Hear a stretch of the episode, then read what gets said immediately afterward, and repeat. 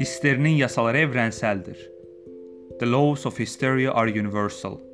Jean-Martin Charcot 1825-1893 Nörolojik bilim Neurology Modern nörolojinin kurucusu olarak bilinen Fransız doktor Jean-Martin Charcot, psikoloji ile fizyoloji arasındaki ilişkiyle ilgilenmiştir. 1860'lar ve 1870'ler boyunca o zamanlar rahimle Yunanca histera ilgili olduğu sanılan ve kadınlarda aşırı duygusal davranışları tanımlamak için kullanılan terimle isteri üzerinde çalışmıştır.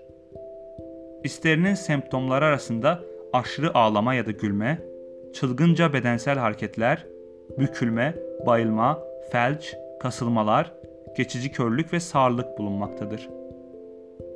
Paris'teki Salpêtrière Hastanesi'nde binlerce vakayı inceleyen Şahko, hastalığı tamamen anladığına inanarak isterinin yasalarını tanımlamıştır.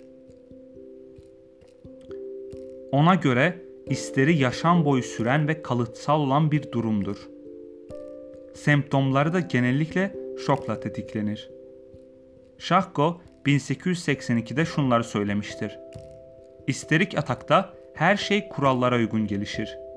Bu yasalarda hep aynıdır. Her ülke, her çağ, her ırk için geçerlidir. Kısacası evrenseldir. Şahko, isterinin fiziksel bir hastalığı olan benzerliğinin biyolojik nedenlerle ilgili bir araştırmaya gerektirdiğini söylemiş ancak çağdaşları bu düşüncelerine katılmamışlardır. Hatta bazıları onun isteriklerin Şahko'nun kendilerine söylediği şekilde rol yaptıklarını bile öne sürmüştür.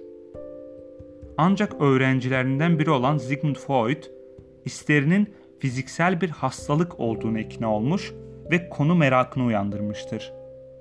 Bu Freud'un has psikanaliz kuramında tanımladığı ilk hastalıktır.